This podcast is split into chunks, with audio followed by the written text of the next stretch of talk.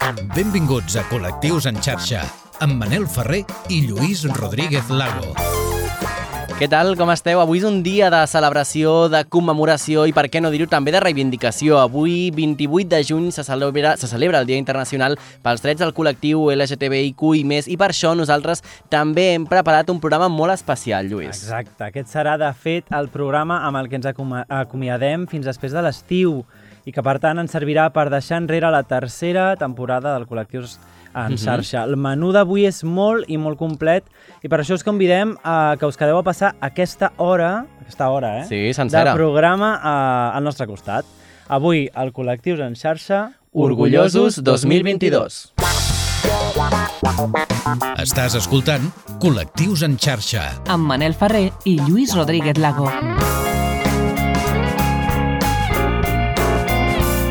Que per cert, si ens esteu veient en vídeo, veureu que de nou estem el Lluís i jo Ai, sentats sí. al costat, notificacions en mà, perquè a mi m'encanta veure les notificacions del Lluís mentre fem el programa, Mhm. i durant aquests 50 minuts de programa, a part de llegir el que diu el mòbil del Lluís, també volem convertir això en una petita festa, però sense perdre tampoc la nostra vessant divulgativa, curiosa i enriquidora, si és possible. D'aquí uns segons saludarem en Xavier Florença Cantons, ell és director general de Polítiques Públiques LGTBIQ i més de la Generalitat de Catalunya, i amb ell volem fer un repàs d'aquest curs, el mateix que començàvem parlant de les agressions LGTB-fòbiques i que a dia d'avui ens segueixen preocupant de la mateixa manera o encara més, Lluís. I també tindrem temps per descobrir Barcelona Rainbow Singers, Mhm. el primer cor LGTBI a Catalunya i també a l'estat espanyol.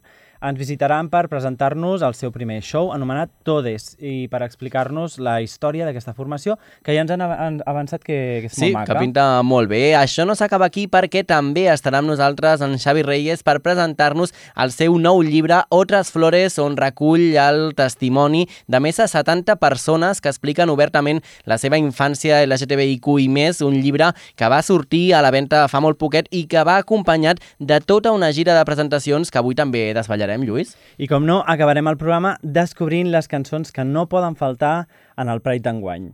I uh, així que som-hi. Perquè els pols oposats també s'atreuen, escolta Col·lectius en xarxa. I l'any passat, i justament per aquestes dates, es donava a conèixer el nomenament de Xavier Flores Cantons com a director general de polítiques públiques LGTBIQ i més de la Generalitat, recollint la bona feina que ja estava fent la Mireia Mata Solsona, ara secretària d'Igualtats. Avui volem parlar amb ell i per fer una repassada també d'aquest curs que estem a punt de deixar enrere i per perdre també o prendre també el pols a les polítiques eh, LGTBIQ i més d'aquest país. Benvingut, com estàs? Hola, bona tarda. Gràcies per acompanyar-nos. Uh, comencem, si et sembla, uh, parlant també de quines són aquestes actuacions uh, que heu prioritzat també en aquests últims mesos. Dèiem que just fa un any entraves a ocupar aquesta responsabilitat. Com ha estat aquest primer any de feina? Bé, ha estat intens pel que suposa també doncs, el fet de, de ser un departament nou i, per tant, en construcció, però que alhora doncs, ens dona moltes oportunitats per posar de relleu totes aquestes polítiques que impulsem, totes aquestes polítiques uh, d'igualtat i en aquest cas també les polítiques LGTBI que ara impulsem des d'una direcció específica. I això ens ha permès continuar molta de la feina que ja veníem fent els últims anys, tot el que és el desplegament, per exemple, de, de la xarxa SAI, aquests serveis d'atenció a les persones doncs, desplegat a, a tot el territori de Catalunya, que permet no, que hi hagin serveis de referència eh, orientats a les persones LGTBI a nivell comarcal i a nivell municipal, eh, però també doncs, altres actuacions que hem, que hem posat en marxa els últims mesos, com per exemple doncs, un postgrau de polítiques públiques LGTBI adreçat a totes les persones que treballen en aquest àmbit professionalment i també doncs, a aquest acord de govern que hem fet per incloure que tots els formularis de la Generalitat, per exemple,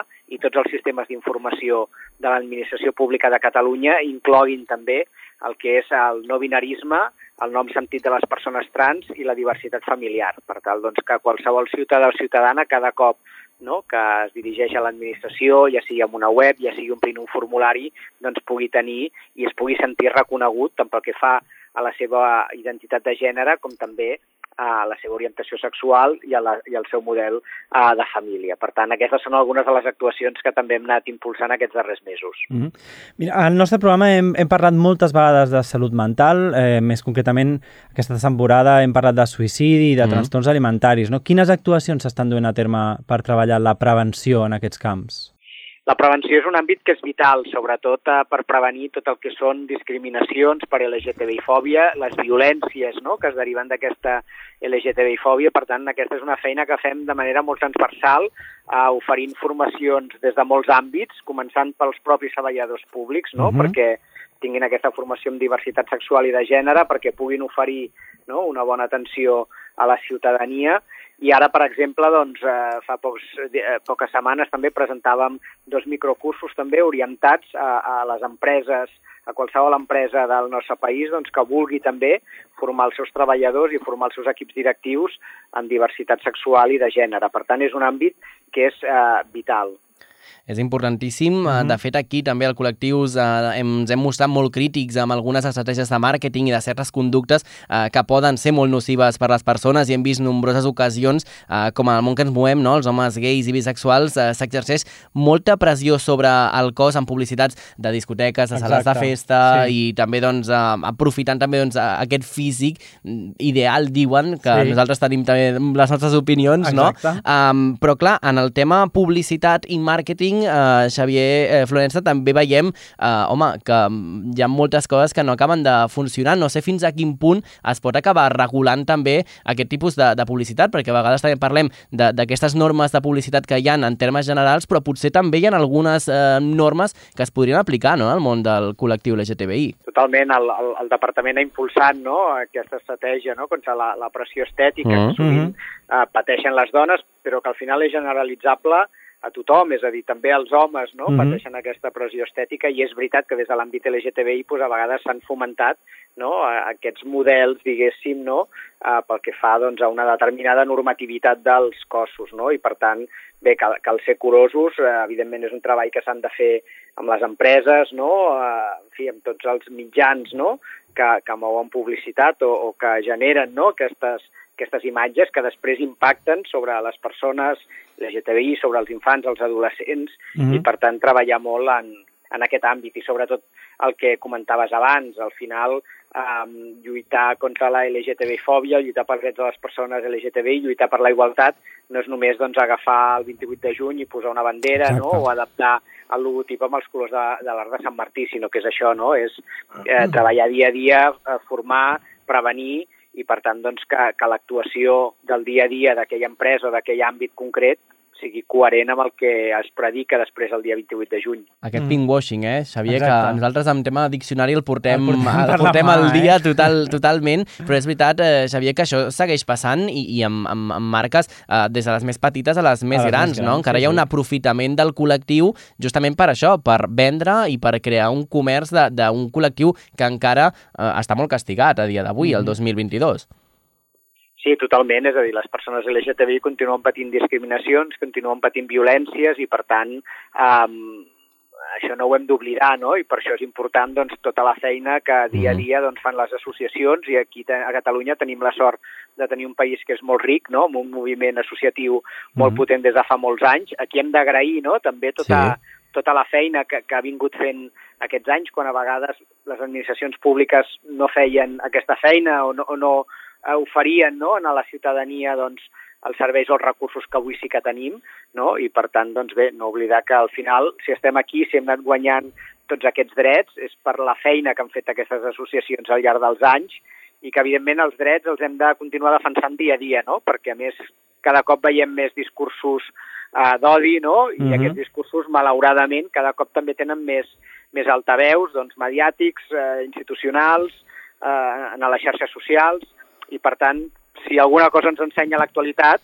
és que els drets que no ens ha regalat ningú també els hem de defensar dia a dia, no? perquè si no podem acabar fent passos enrere. Mm. I jo crec que el 28 de juny és un bon moment també per prendre consciència d'això, que evidentment doncs, tenim ganes de sortir al carrer, no? de, de fer-ho amb alegria no? I, i, i sobretot després de dos anys de pandèmia que han estat molt durs, però sobretot no perdent el significat del que significa el 28 de juny no? I, i la necessitat de continuar avançant i d'anar conquerint drets encara. N'has parlat així una miqueta, però eh, per nosaltres és interessant saber quin és el teu punt de vista pel que fa a, a si realment estem en, en un moment crític a, a nivell mm, polític, perquè estem veient moviments a la resta de l'estat espanyol i bueno, es parla potser d'un canvi Eh, no sé què en penses tu d'això. Que la política ens menja, bàsicament, Exacte. en alguns Sí, casos. sí, que tampoc, eh, sen- no volem tampoc marcar el teu posicionament polític, lògicament, eh? però també hi ha un nerviosisme, no?, eh, Mhm. que el col·lectiu també en algunes parts eh, concretes de l'estat espanyol, home, doncs veiem que també la política ens està amenaçant, és una amenaça més. Sí, sí, és el que deia abans. Eh, vivim no? sota, sota l'amenaça d'aquests discursos d'odi i les persones que els practiquen, eh, que bé, que tenen altaveus no? eh, eh, importants i que, per tant, això impacta la societat. Per tant, bé, al final, si existeixen departaments com el d'Igualtat i Feminismes, precisament és per això, no? És per poder implementar aquestes polítiques, eh, poder implementar doncs, tot el que és la, les lleis antidiscriminatòries amb tota la seva màxima potència, conscienciar la gent que tot el que són lleis d'igualtat, lleis antidiscriminatòries, eh, no són recomanacions, són lleis i s'han Mhm. de complir, no? i per tant és el, és el que hem vingut a fer. Al final jo crec que el millor antídot també contra aquests discursos o contra l'extrema dreta és precisament no? desplegar polítiques, desplegar recursos, desplegar serveis eh, que facin que les persones eh, se sentin ateses, que facin que les persones doncs, puguin viure amb llibertat la seva manera de, de ser i de sentir-se, no? I per tant, eh, això és el que venim a fer. Mm -hmm. El nou currículum de l'educació bàsica, eh, el que ha ha d'entrar en vigència en principi el curs vinent, parla de benestar emocional i de coeducació. Eh, però quan hem parlat amb mestres i amb gent relacionada amb el món de l'educació, ens deien que encara cal molta formació i que hi ha molt camí per fer. No? Les infàncies LGTBIQ i més són una prioritat per la secretaria.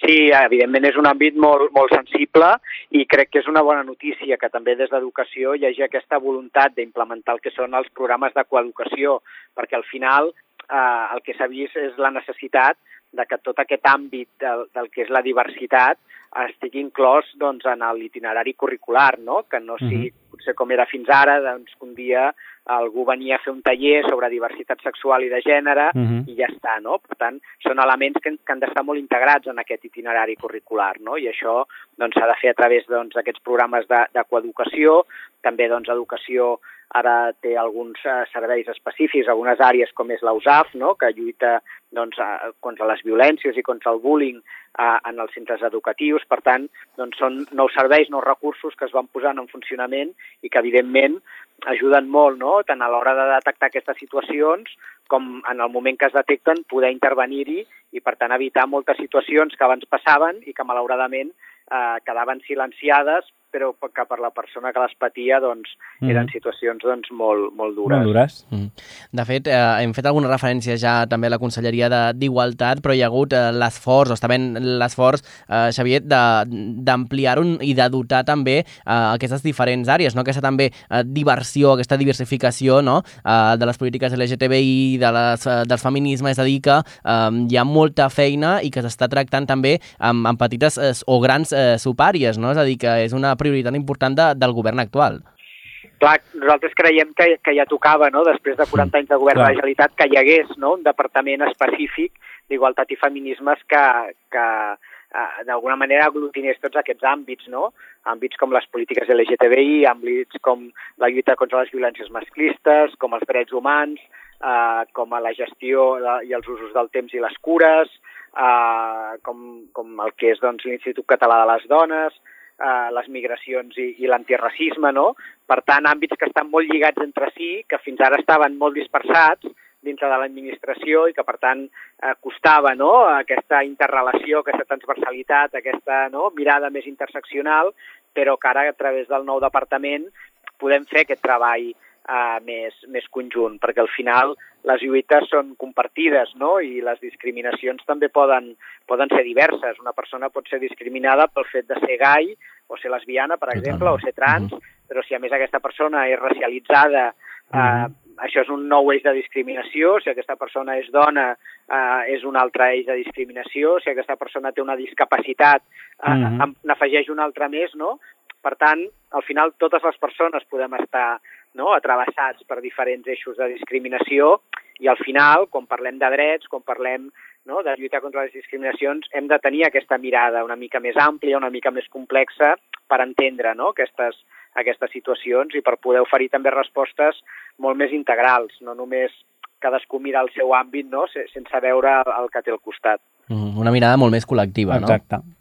Eh, Totalment. I, I mira, et volem preguntar com ens ho hem de fer amb el món de l'esport, perquè si, si potser hi ha un dels àmbits d'aquells que posen uh, la bandereta uh, el dia 28 Sí. o el mes de juny i després i si, La no- foto si t'he vist no me acuerdo, socials, no? Sí, sí. Eh, sobretot amb el món de futbol, com ens hem de fer amb aquest, amb aquest àmbit? Doncs hem de continuar treballant. Jo estic totalment d'acord. Segurament no es pot generalitzar. Segurament, Dins del sí. món de l'esport, segurament l'esport femení és diferent, Mhm. o en alguns esports potser hi ha una visió una mica més més integradora, però és veritat que en molts àmbits de, de l'esport continua havent-hi doncs, una homofòbia latent, no?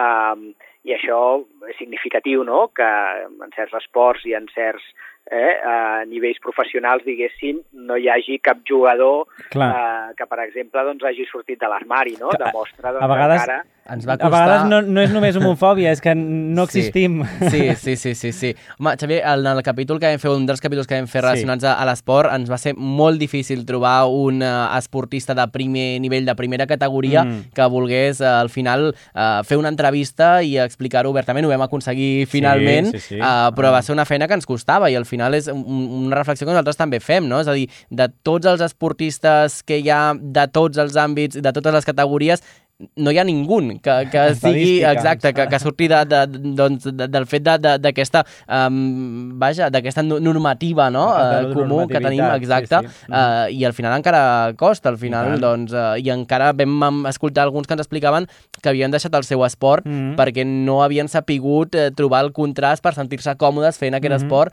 i, i alguns eh, van deixar l'esport i estaven dins de l'armari perquè no havien trobat la manera ni els havien posat fàcil per, per fer-ho, no? Mhm. Sí, sí, eh, queda moltíssima feina per fer en aquest àmbit. A Catalunya doncs, hi ha algunes associacions, com per exemple Panteres Grogues, no? Sí. que, que treballen no? per, per afavorir aquesta, aquesta eh, en fi, eh, diversitat no?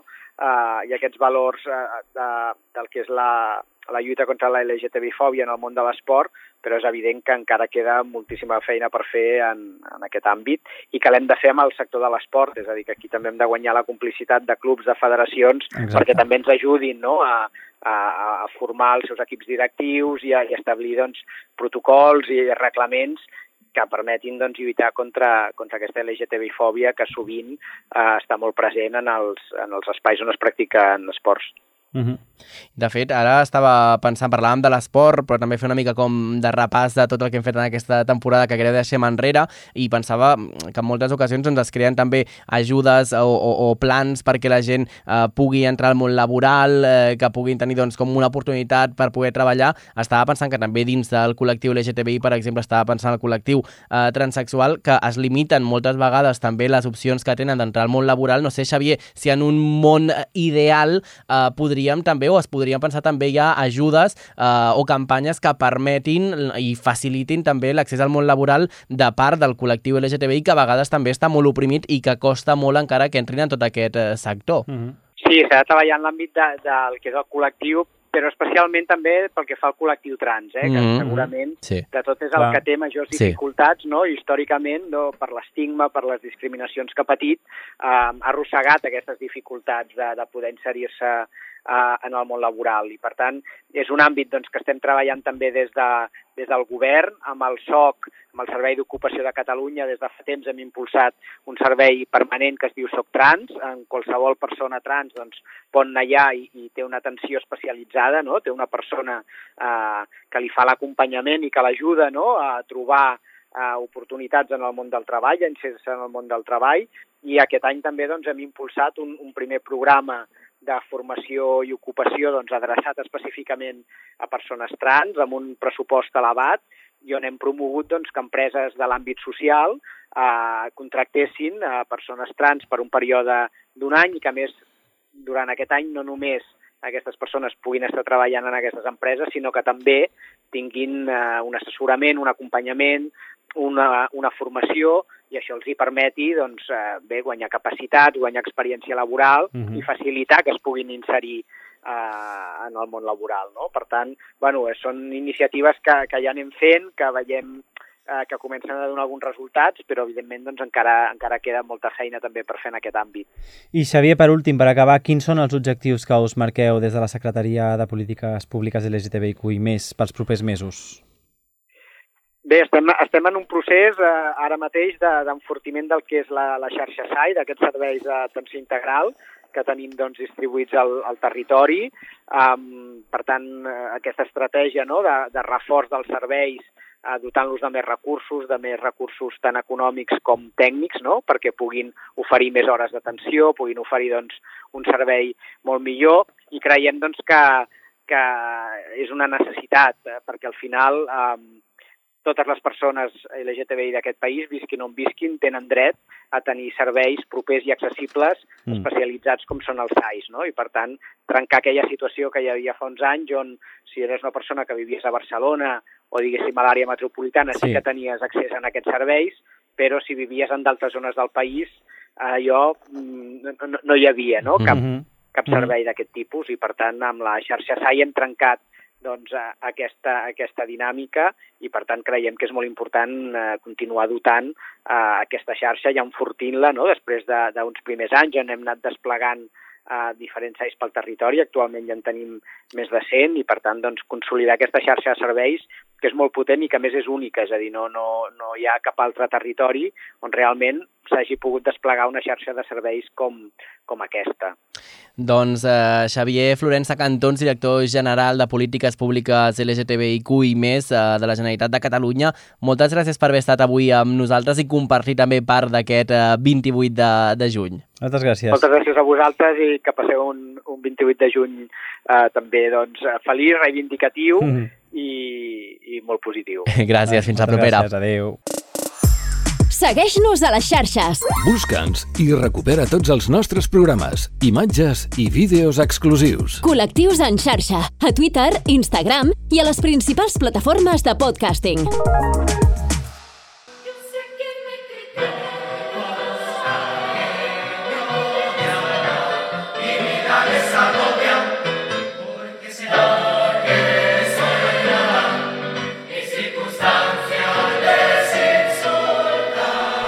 Seguim avançant endavant, Lluís, amb aquesta... Sentim, Escolta, eh? sona superbé. Uau. El proper 9 de juliol el Casino de l'Aliança del Poble Nou acollirà el concert Todes per part del primer cor musical LGTBI de Catalunya i també de l'estat mm -hmm. espanyol, crec, anomenat Barcelona Rainbow Singers. El que eh, ens proposen és un show dedicat a les dones i, al val i als valors femenins des de la diversitat i per això avui hem volgut parlar amb elles concretament amb el Fernando Rodríguez, president del cor. Com estàs? Benvingut. Benvingut. Hola, buenas tardes. Gracias por estar hoy con nosotros. Eh, no sé si lo hemos dicho bien, eh, habéis sido los primeros en Cataluña y también en, en, todo el Estado. Fuimos los primeros en el Estado español. Mm. O sea, la verdad es que para nosotros fue una sorpresa, porque pensábamos que seguramente ya habría, la, la idea ya habría surgido en algún sitio, pero nos lo Pero no. No, no, no. surgido como, como entidad coral. Uh -huh. ¿En qué año empezasteis? Sí, nosotros empezamos en 2010 como un, una parte más de Panteras Grogas. Uh -huh. ¿Vale? De hecho, la primera, los primeros socios que tuvimos fueron fue gente de Panteras Grogas y al principio pues, intentamos ser un coro mixto. Pero durante los primeros cinco años fuimos un coro solamente gay. Eh, lo cual era como un poco raro porque decíamos somos LGTBIQ y, y nos faltan todas las letras.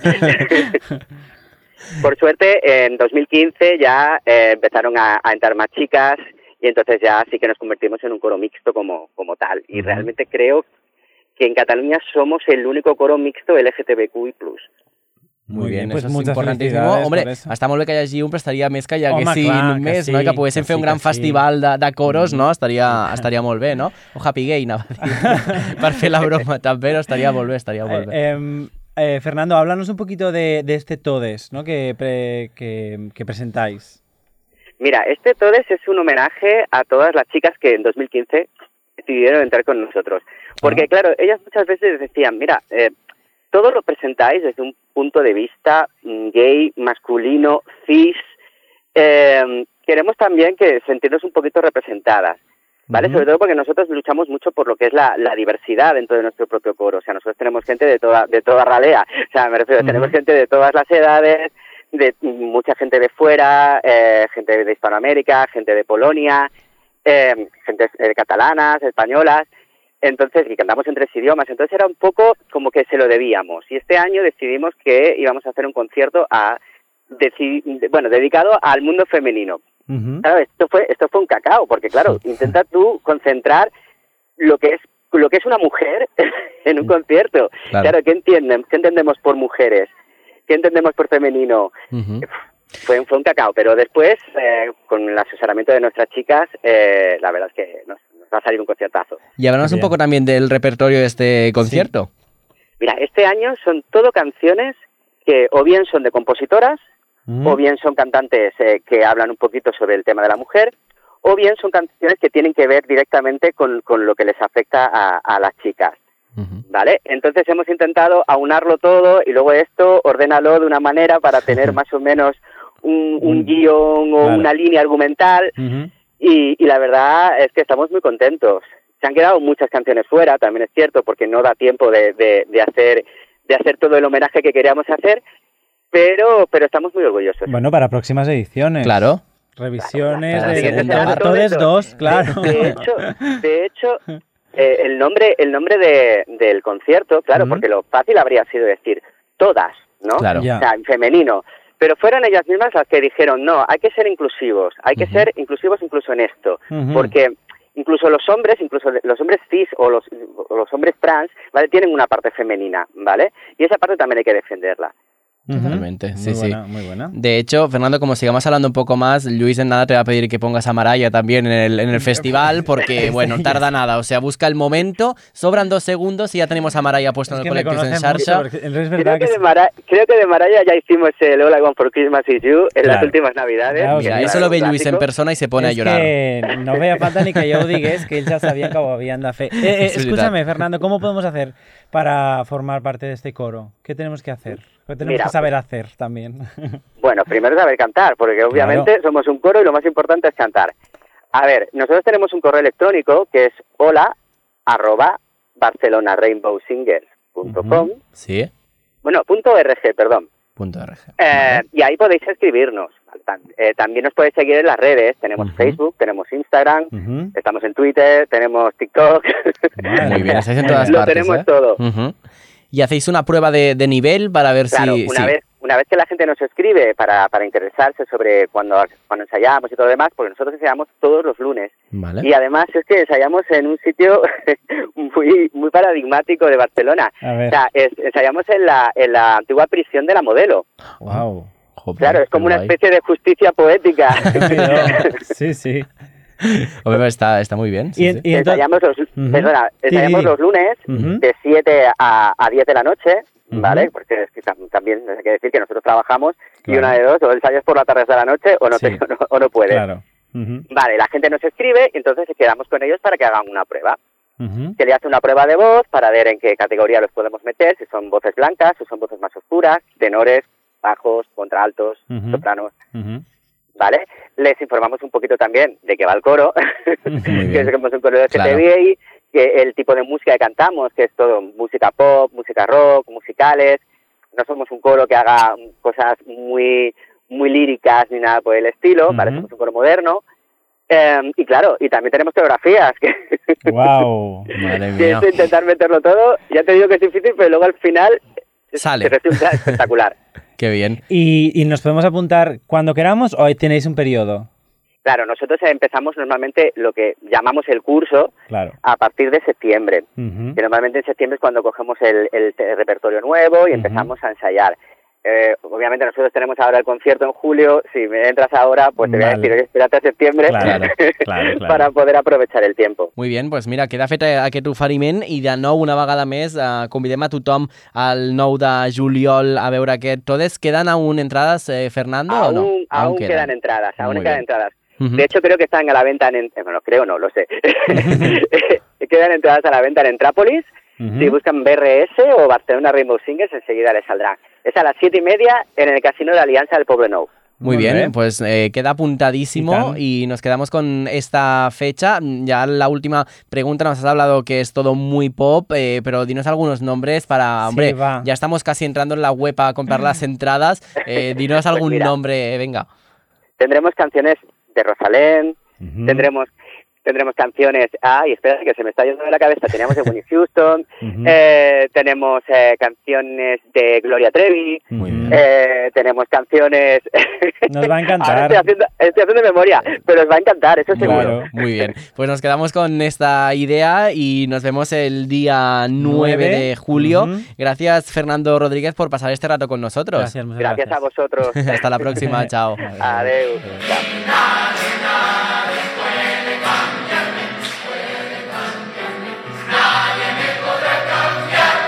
Perquè els pols oposats també s'atreuen, escolta col·lectius en xarxa. I ahir, 27 de juny, va sortir a la llum el llibre Otras Flores, un llibre que va començar a escriure fa un any i mig el mataroní Xavi Flores i que recull... Me... Ai, Xavi Reyes. És que hem tingut lius Hem perquè saps què hem fet lius, abans, sí, saps què hem fet sí. abans, li hem dit al senyor director de polítiques LGTBI de la Generalitat Flores, I el senyor no ens ha dit res perquè ha sigut molt educat Ja. i molt protocolari, després com he intentat arreglar i dic no ens passa el que t'acaba de passar però sí que Però ens ha ens ha passat el que passat. t'acaba de Mira, passar. doncs no. Som així, perquè la vida és aquesta. Xavi Vols tornar a Reyes. començar i fent veure com que no passa res, als nostres oients com que ens perdonen i tornes a llegir la introducció? Vinga, va. Va, mira, de fet, saps què podem fer? Què mira, podem fer? pots llegir un trosset d'aquesta introducció Ai, seva, que que em sembla molt bona del És que això fa llibre. molta il·lusió. És que això és molt bo, ja ho veuràs. Xavi Reyes, niño marica, nacido en Don Benito Badajoz el 20 de noviembre de 1988. És que és Bona millor que la tarda, nostra i introducció, tant. realment. Com estàs? tal? Com esteu? Moltes Molt gràcies bé. per convidar-me. Que bé que tinguem el llibre aquí, que el puguem fullejar una Exacte, mica. olorar, perquè fa olor a Olorar, llibre nou. Veure el, Sí. lo, el, ma- lo maco que és, Mhm. perquè és maquíssim, Maquíssim. Sí, sí, amb sí, moltes sí. fotografies... Mhm. El que has fet, eh, ens ho expliques tu, eh, Xavi, és recollir 70 relats, no?, Mhm. De persones eh, no conegudes, en principi, no, o no conegudes al públic general, Sí. perquè hi ha alguns noms que sí que els coneixem ja, Mhm. que ens toquen més a prop, Sí. i que expliquen una mica com va ser la seva infància, no? Mhm. Així és, són 75, per ser més Sí. exactes. Ah. I és un, així per dir un, un titular perquè la gent ho entengui, és un àlbum fotogràfic d'ins- Mm. d'infàncies queer, LGTB, i cadascú explica la seva història acompanyant la seva foto o les seves fotos, en, en alguns casos, que hi ha més d'una foto de cada persona i són anècdotes, reflexions, històries de primers amors o desamors o Mm. descobriments i és, és superinteressant i és molt maco. I com tu vas fer per recopilar aquestes històries? Vas haver de convèncer algú? Hi havia alguna persona amb- a la que volies segur, segur en el teu llibre? Bé, explico una miqueta com va s- començar tot això, no? perquè la, la, la, la idea va sorgir a, de la teràpia, no? que, que surten tantes coses de, de fer teràpia, mm. i d'exterioritzar situacions que, que vam viure de petits i que no sé si, si ens passa a tots, però arriba un moment en què no- normalitzem coses que ens han passat i que, Mhm, que mhm. potser en el seu moment no les vam entendre, però, però amb el pas del temps dius, jolins, que això que em va passar pues, pues potser no és normal o, o, o com em van fer sentir o tot això, no? I mirant fotos meves vaig trobar un, pues, moltíssimes fotos amb una ploma Mhm. meravellosa, no? Perquè ara, ara les sé eh, a- estimar i, Apreciar. i, i valorar-la, no? Però en aquell moment dius, jolín, et feia com una mica de vergonya, no? Veure't així i, i tan espontani, tan femení i, i bé, doncs, gràcies a fer teràpia i a intentar de, desenterrar aquest, aquest nen petit que, que vam ser i, i també com una, mica, una manera de celebrar-lo, no? Vaig decidir compartir aquestes fotos i dir, pues mira que divertido era de pequeño i que maco, que graciós i, i, i bé, arrel de compartir aquestes fotos va, molta gent em va començar a escriure ostres, jo tinc unes fotos divertidíssimes d'un carnestoltes que em vaig posar una perruca, vaig sortir al carrer, o una nena que quan em van tallar el cabell curtet vaig, va ser el millor dia de la meva vida, Ja. tinc una foto d'aquell dia. Van començar com a arribar petites anècdotes de, de gent que, que va vibrar amb, amb, amb la meva manera de, de curar-me també Sí, mhm. d'aquest tema, no? I, i dic, ostres, pues, per què no faig un llamamiento de... Enviem-me Mm. les vostres fotos d'infància quan éreu superllibres i, i ningú us deia que de la manera en la que éreu era, era, estava aquí, Estava bé, estava no? malament, Estava i bé. Mhm. com, com érem de la manera més genuïna i, i espontània, no? I va- van començar a arribar fotos i vaig compartir-les a les xarxes socials i, i bé, la gent em deia, oye, haz una exposició amb aquestes fotos, són supermaques, eh, em donen molta tendresa i, i dir, vale, pues podem fer una exposició. Però em quedava una miqueta algú més efímer, no?, per fer una exposició i, Mm. i que, es fo- que sigués només algú de fotografia, dir com podem ampliar aquest material per fer alguna que de veritat serveixi per, per a alguna no? I, I bé, la idea de oye, pues escríbeme una anécdota relacionada con esta foto y a ver qué, qué podemos hacer. I, i bé, mica en mica vaig anar recopilant fotos amb, amb Amb textes. històries. Sí, i, i diem, ostres, pues, per què no ho presentem a una editorial, això? Uau. De fet, eh, Xavi, estava pensant que també eh, hi ha una part molt generosa no, de totes aquestes persones Mhm. que han Total, participat, sí, perquè sí, sí. segurament t'estaven explicant a tu alguna per aquell llibre Mhm. que potser ni ells mateixos havien verbalitzat encara, no? Tal, sí, ha sigut molt, molt terapèutic per molta gent, eh? Mhm. La gent que també ha sortit de l'armari amb gent que, que, que fins a aquest moment encara no, no, No ho coneixia. no ho eren i, Mhm. I ha, ha sigut una experiència molt terapèutica per mi i per tota la gent que ha participat. Una mica ja ho has dit, però per, per què vas escollir la infància? Bé, doncs jo crec que la infància és la base de la nostra existència, no? Depèn Mhm. de, de com has crescut i com t'has sentit durant els primers anys de la teva vida, marquen la teva personalitat, com et relaciones, com, Mhm. com, com ets en el món i intentar fer la vista enrere i, i veure com ha sigut aquesta etapa per, per tu és, és, és molt important, no? Saber com, com ha sigut la teva infància i, i donar-li una miqueta de veu també, perquè de vegades hi ha coses que tens aquí que no, que no has entès del tot i que fins que no les parles Mhm. no dius, ostres, doncs això em va passar així i, i potser per aquest motiu em comporto d'aquesta Ara manera. soc d'aquesta manera, sí, sí. I sí. em sembla molt terapèutic des, desempolvar aquesta etapa i, i veure què ens ha passat i, i, Mm. i per què no compartir-ho també d'un- d'una manera molt des del carinyo, eh? O sigui, Mhm. res des del ressentiment o de l'odi o... Totalment. sinó- Eh, Xavi, mm, suposo que te les hauràs llegit i rellegit moltes vegades eh, totes. Sí. Um, hi han coincidències, coses comuns en Ah, les sí. infàncies eh, d'aquest llibre que recopiles? Sí, sí, per desgràcia hi ha moltes històries una mica Que tristes, sembla. no? I, Mm.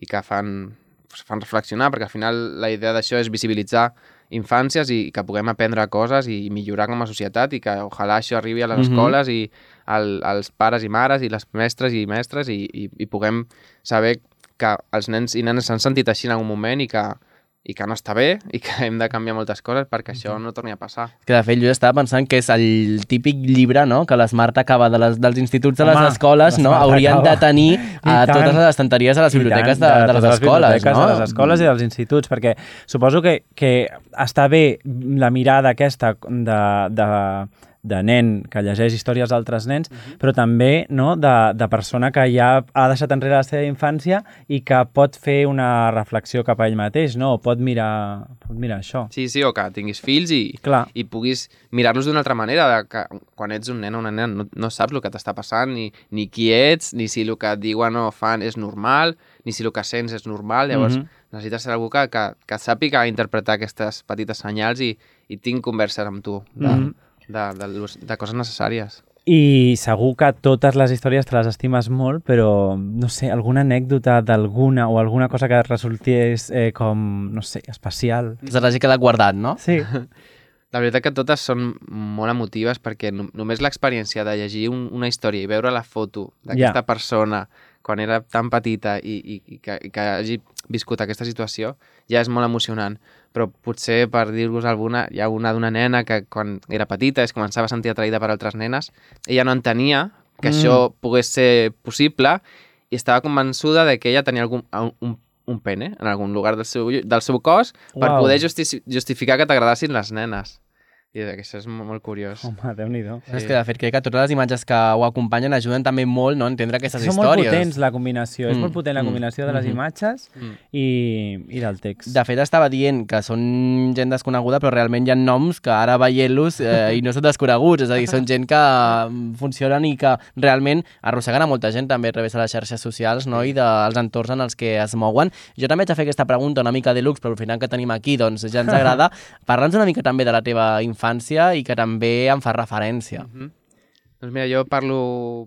És, el meu text és com la introducció no, del llibre per Mhm. entendre d'on va néixer aquest projecte i com, com està enfocat. Al marge del pròleg de Valeria Vegas, que si voleu després el comentem. Sí. Mhm. Eh, doncs jo parlo... Eh, he volgut anomenar el meu primer amor, no? que, era, que va ser com algo molt, molt especial per mi, que tampoc en el seu moment sabia que era amor, però vaig enamorar d'un socorrista d'una piscina on treballaven els meus pares. Vaja. és època ara, no?, de- d'enamoraments de socorristes de piscines i de platges, sí, sí. I, I bé, érem molts, molt bons amics, clar, en, mm -hmm. en Mhm. aquell moment, evidentment, jo era molt petit i ell era més gran, però quan el vaig deixar de veure vaig tenir una, una tristesa tan gran Ja. que, que no sabia interpretar no, el que m'estava passant i, i això, però no sabia el que m'estava passant, però sabia que no era normal i que Mm. m'ho havia de callar i que no li podia explicar a ningú. I això Fixa't. em fa, fa molta tristesa també, no? I on Estar- està ara el socorrista, ho Pues sabem mira, o no? buscat per, per I no ha aparegut arreu, aquest... no. Ostres, doncs Oh. mira, aquí ve un segon llibre buscant el, el socorrista, no? tornant als orígens d'aquesta infància, però jo crec que potser trobar-te l'ara i poder parlar a temps passat seria com una conversa també molt Seria bonica, molt no? Perquè parlàvem com si fóssim dos adults, jo penso ara, i potser tenia 9-10 anys, ell potser 18, 19, Mhm. i parlàvem de música, de cine, de coses molt xules, i que en aquell moment potser no teníem ningú més amb qui compartir, Ja. i érem bons amics. Que guai.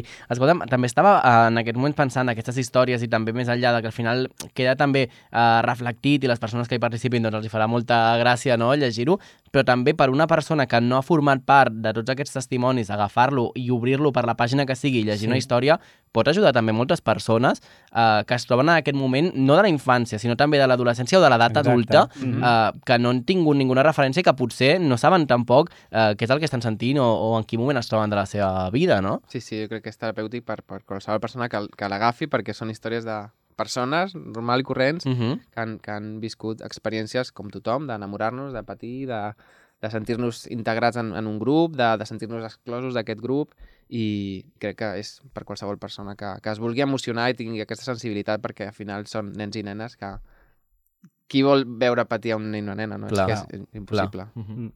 I ens parlaves de- d'aquest pròleg, no? Que interessant, Mhm. també.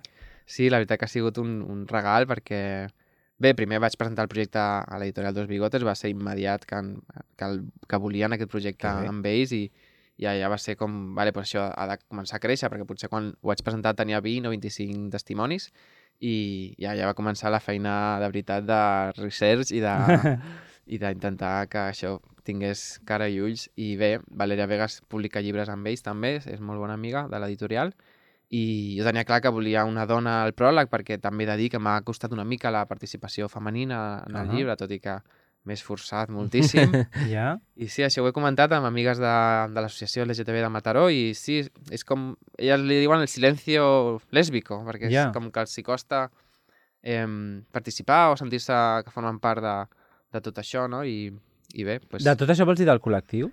No sé si o, del o vols dir del col·lectiu- moviment? Sí, una mica. Ja. Com- Elles li diuen la invisibilitat lèsbica, i Ja. ho, ho van dir elles i, i, Mhm. i dic, evidentment jo no tinc el, el dret de dir això, no? Clar, Però, elles ho van explicar molt bé i, i, i sap Mhm. greu de vegades que, que potser falta més em, participació femenina. En, en Mm, el bueno, és aquesta cosa que a vegades diem aquí de, de que uh, el món gay eh, ha, ha, ha hagut un moment que ha absorbit massa, no? Sí, el, el, sí. Aquesta, o, o, o no sé. De fet, Lluís, estava pensant també en el nostre cas, i és que tenim molts més convidats homes que dones, no perquè no, ho vulguem, i, sinó... I moltes vegades ens passa com a tu, eh? Que ho volem ho intentem, equilibrar, eh? és a dir, pensem el tema pensant que tindrem una convidada dona mm. i ens costa moltíssim i acabem, vaja, tenint homes perquè ens costa, ens costa molt. Sí, sí. Depèn quin tema tractem, eh? En Depèn, altres ens és sí, més sí. fàcil, però en altres eh, és, Mm. és més difícil també Sí. de, de trobar.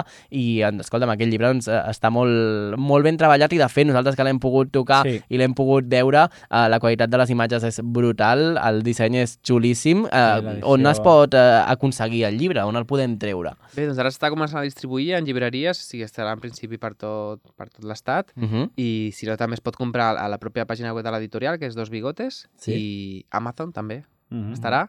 I... Però sempre millor la teva llibreria Clar, de confiança. sempre Exacte. comerç local i primer pots buscar a veure si, si el trobes de proximitat i si no, doncs ja pots tirar a internet.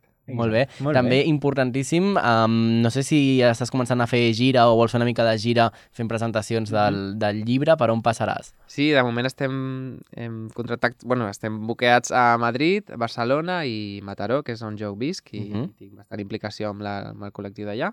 I, I bé, estem començant a parlar amb gent de València, que també li faria il·lusió que, que, que anem cap allà i bé, estem oberts a, A fer la promo tant. i, fer les presentacions que facin falta perquè això arribi a molta gent.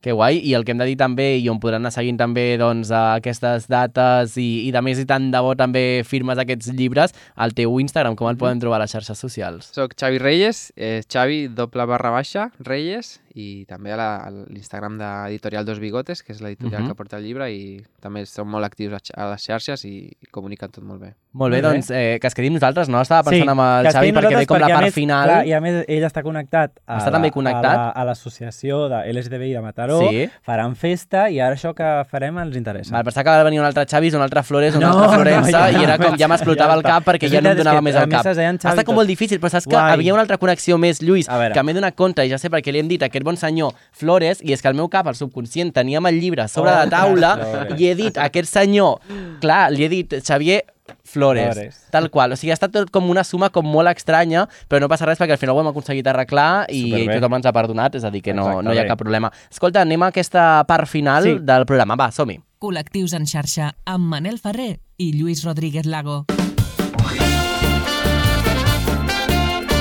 I volem acabar aquest especial amb música, però no amb qualsevol música. Volem saber quines són les cançons que no podem perdre de vista en aquest orgull.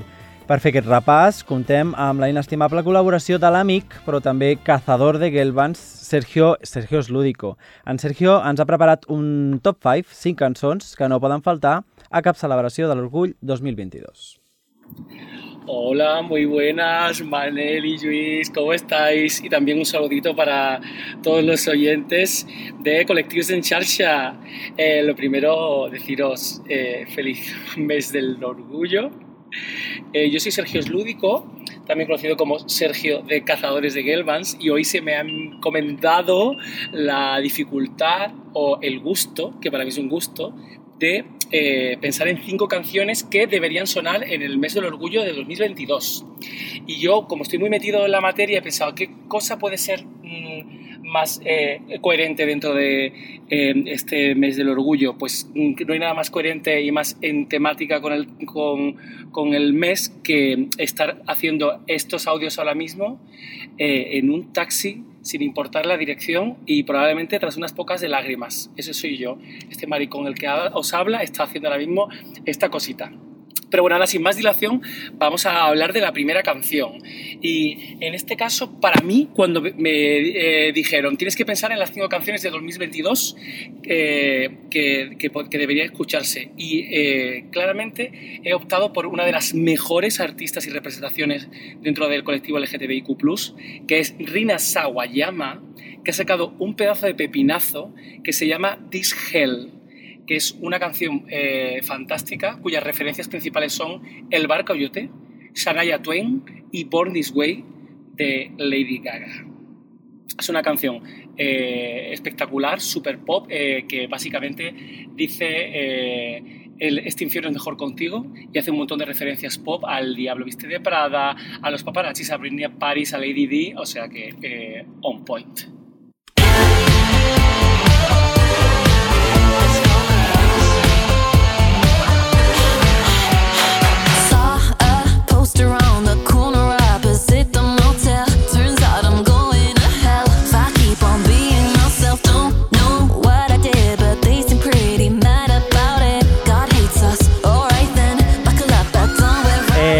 Rina és una cantautora, model, activista japonesa que Sí. s'identifica com una persona pansexual Mm. i les seves principals influències musicals són cantants dels 90 i dels 2000 com Avril Lavigne, Beyoncé, Mariah, que no Mariah. dic jo, que ho diu la web, eh, on jo he buscat. El Sergio és un pilota La i te l'ha posat ja perquè ho diguis ara la aquí. primera. Sí. I la Kylie Minogue, entre d'altres. Però sentim, eh? Sentim, Sí. sentirem les referències al Bar Coyote, a Born This Way, ja veureu. Mhm. This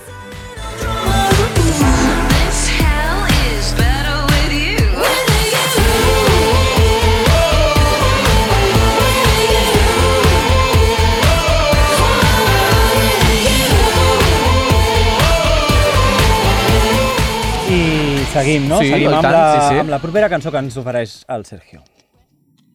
Y ahora como segunda opción he cogido a una eh, artista que no es eh, estrictamente del colectivo, pero que es una embajadora en sí misma, una de las mayores y mejores embajadoras. Se trata de Charlie XCX, también conocida como embajadora del momento Poppers en los gay rights.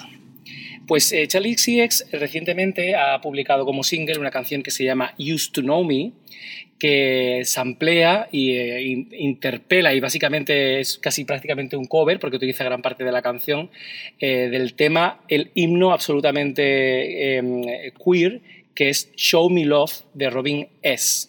Esta canción ha sido sampleada en much- mu- muchísimas ocasiones, pero Charlie, que ya sabe perfectamente lo que necesita su público, eh, consigue, consigue aportar su personalidad, su diversión y en su puesta en escena eh, los bailarines hacen un coreo espectacular con abanicos y la canción es una pura fantasía merecida de ser una de las canciones a escuchar en el Orgullo 2022. You had me round your finger, you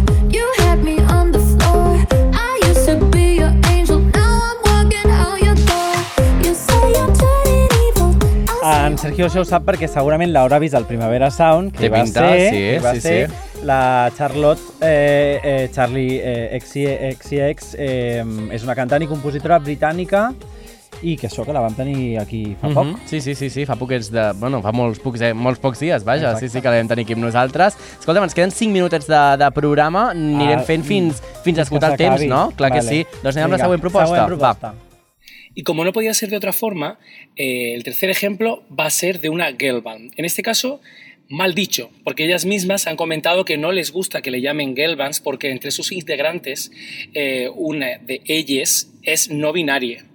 Estamos hablando de Muna, que eh, doblando el hecho de, pertenecer al colectivo queer porque son lesbianas y eh, no binarias, esta canción es una versión de una canción de Britney que se llama Sometimes, de su primer disco, que además sirve como banda sonora original de la última película de creadores, protagonis- protagonistas y guionistas queer que se llama Fire Island, que podéis ver en Disney Plus, que es una maravilla, una revisión de Orgullo y Prejuicio en el año actual eh, por unos amigos del colectivo dentro de, de esta isla Fire Island en vacaciones. La película es recomendadísima y la versión de Muna es una mm, versión en clave synth pop tipo Robin de este clásico que es Sometimes con toda la vulnerabilidad y toda la dulzura que tenía original eh, como con una revisión adulta, un poco nostálgica y también dándole un especial valor a estas palabras porque también eh, una de las características principales del colectivo es que en algunos casos somos muy intensitas.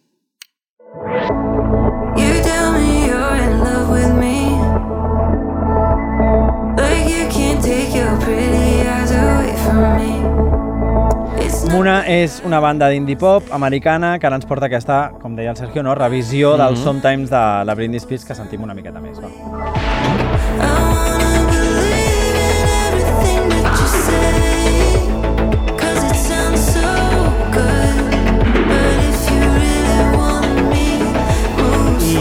Per la tercera, tercera Sí? cançó, quarta cançó, quarta cançó. Quarta cançó. Y ahora no nos vamos tan lejos porque vamos a hablar de otra mix band. Una mix band por un día.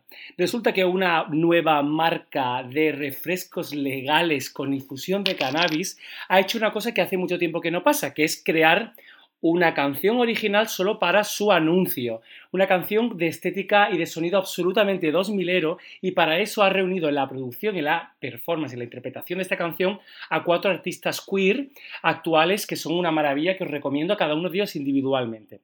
Estamos hablando de Vincent, que es un artista eh, no binario eh, maravilloso con una voz casi soul de iglesia que, deberíais todos escuchar. Hailey Kiyoko, eh, absoluta diva eh, lesbiana. Em Nick, que es eh, otra persona trans no binaria de Reino Unido, productor espectacular, entre otras cosas de maravillas como Sweet Melody de Little Mix y muchos de los hits que estamos escuchando en la actualidad. Y por último, Kesha, artista bisexual que, mm, bueno, que, vamos a decir de ella, eh, eh, todo el apoyo que hace el colectivo y además también lo que, por lo que está pasando como, como artista y en esa lucha en la que tenemos todos que apoyarle. Pues resulta que han sacado esta canción que se llama Taste So Good, que además viene acompañada de un vídeo donde no solamente salen ellos, sino que aparecen varias eh, drag queens de, la temporada 14 de RuPaul's Drag Race y también Patricia Arquette e incluso Sarah Michelle Gellar haciendo un pequeño cameo. Eh, la bomba de la, desde luego, no heteronormatividad.